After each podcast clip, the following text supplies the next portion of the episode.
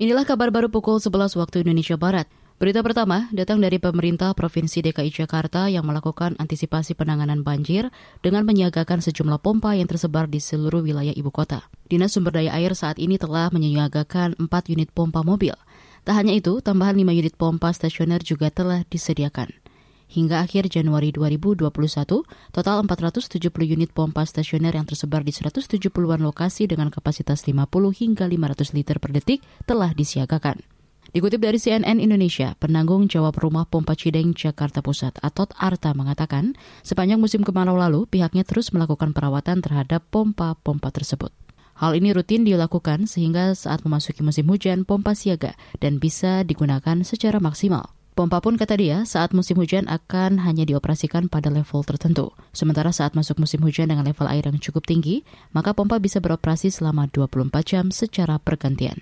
Dalam kesempatan itu, Atot juga mengingatkan agar warga yang tinggal di DKI Jakarta ikut berpartisipasi dalam mencegah terjadinya banjir. Salah satunya dengan tidak membuang sampah ke kali demi memperlancar aliran air. Berikutnya, Bank Indonesia menyatakan bakal memperluas penggunaan Quick Response Code Indonesian Standard atau QRIS QIRS adalah standarisasi pembayaran menggunakan metode QR Code dari Bank Indonesia. Deputi Gubernur Senior Bank Indonesia BI Destri Damayanti mengatakan, target perluasan kris ini diharapkan bisa menciptakan efisiensi dan mempermudah penyelenggara jasa sistem pembayaran maupun konsumen untuk bertransaksi.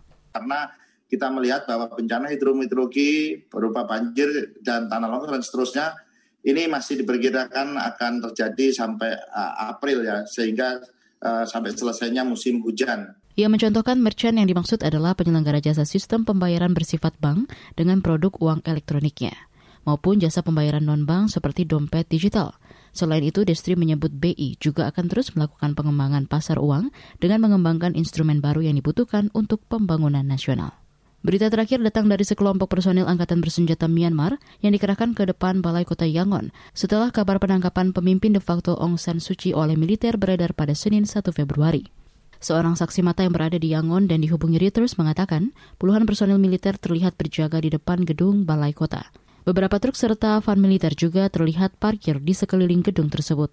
Pengerahan militer ke Balai Kota Yangon ini berlangsung ketika militer Myanmar dilaporkan telah menangkap Suci, Presiden Myanmar Win Min, dan beberapa tokoh senior partai berkuasa Liga Demokrasi pada Senin dini hari. Penangkapan ini tampaknya upaya kudeta militer setelah sempat menolak hasil pemilihan umum pada November lalu yang dimenangkan oleh petahana Suci dan partainya NLD. Militer menuding pemilu 8 November lalu curang akibat adanya jutaan pemilih palsu. Demikian kabar baru KBR, saya Naomi Liandra.